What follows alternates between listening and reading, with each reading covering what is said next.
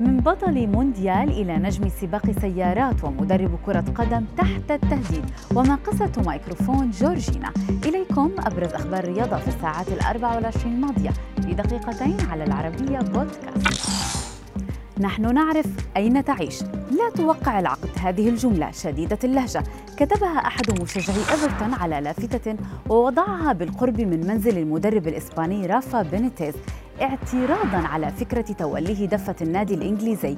وذلك لأن بينيتيز سبق وأن درب الغريم ليفربول. التهديد ليس الأول في حق بينيتيز فيا ساتر من القادم. يبدو أن شارة قيادة المنتخب البرتغالي هي السبب في خسارة الفريق لبعض المباريات مؤخرا أو هذا ما توحي به تصرفات كريستيانو رونالدو حيث وثقت عدسات الكاميرات النجم البرتغالي مجددا وهو يقوم برمي شارة القيادة ويركلها على الأرض عقب الإخفاق والخروج على يد بلجيكا من كأس أوروبا. وسبق لرونالدو رمي الشارة من قبل في مباراة أمام منتخب صربيا ضمن تصفيات كأس العالم. أما لاعب منتخب بلجيكا ونادي ريال مدريد إيدن هازارد فاحتفل بتأهل منتخب بلاده موجها الشكر لصاحب الإنجاز لافيو من شقيق لشقيقه الأصغر. يذكر أن ثورغان هازارد صاحب هدف الانتصار هو الأخ الأصغر لإيدن ويشاركان جنبا إلى جنب في منتخب بلجيكا.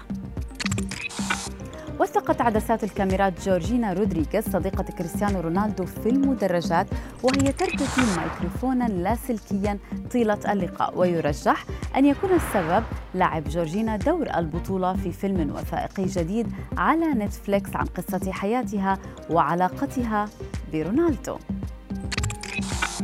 بعدما تذوق حلاوة أن يكون بطلا لكأس العالم مع منتخب فرنسا وحصد بطولة دوري الأبطال مع مرسيليا. ولقب الدوري الإنجليزي كذلك مع مانشستر يونايتد قرر فابيان بارتيز حارس منتخب فرنسا تغيير البوصلة تماما.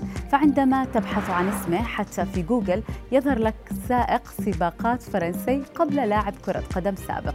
بارتيز أسس فريق سباق خاص به ويشارك في سباقات السيارات الكبرى بدلا من أن يكون حاليا مدرب كرة قدم أو محلل رياضي مثلا.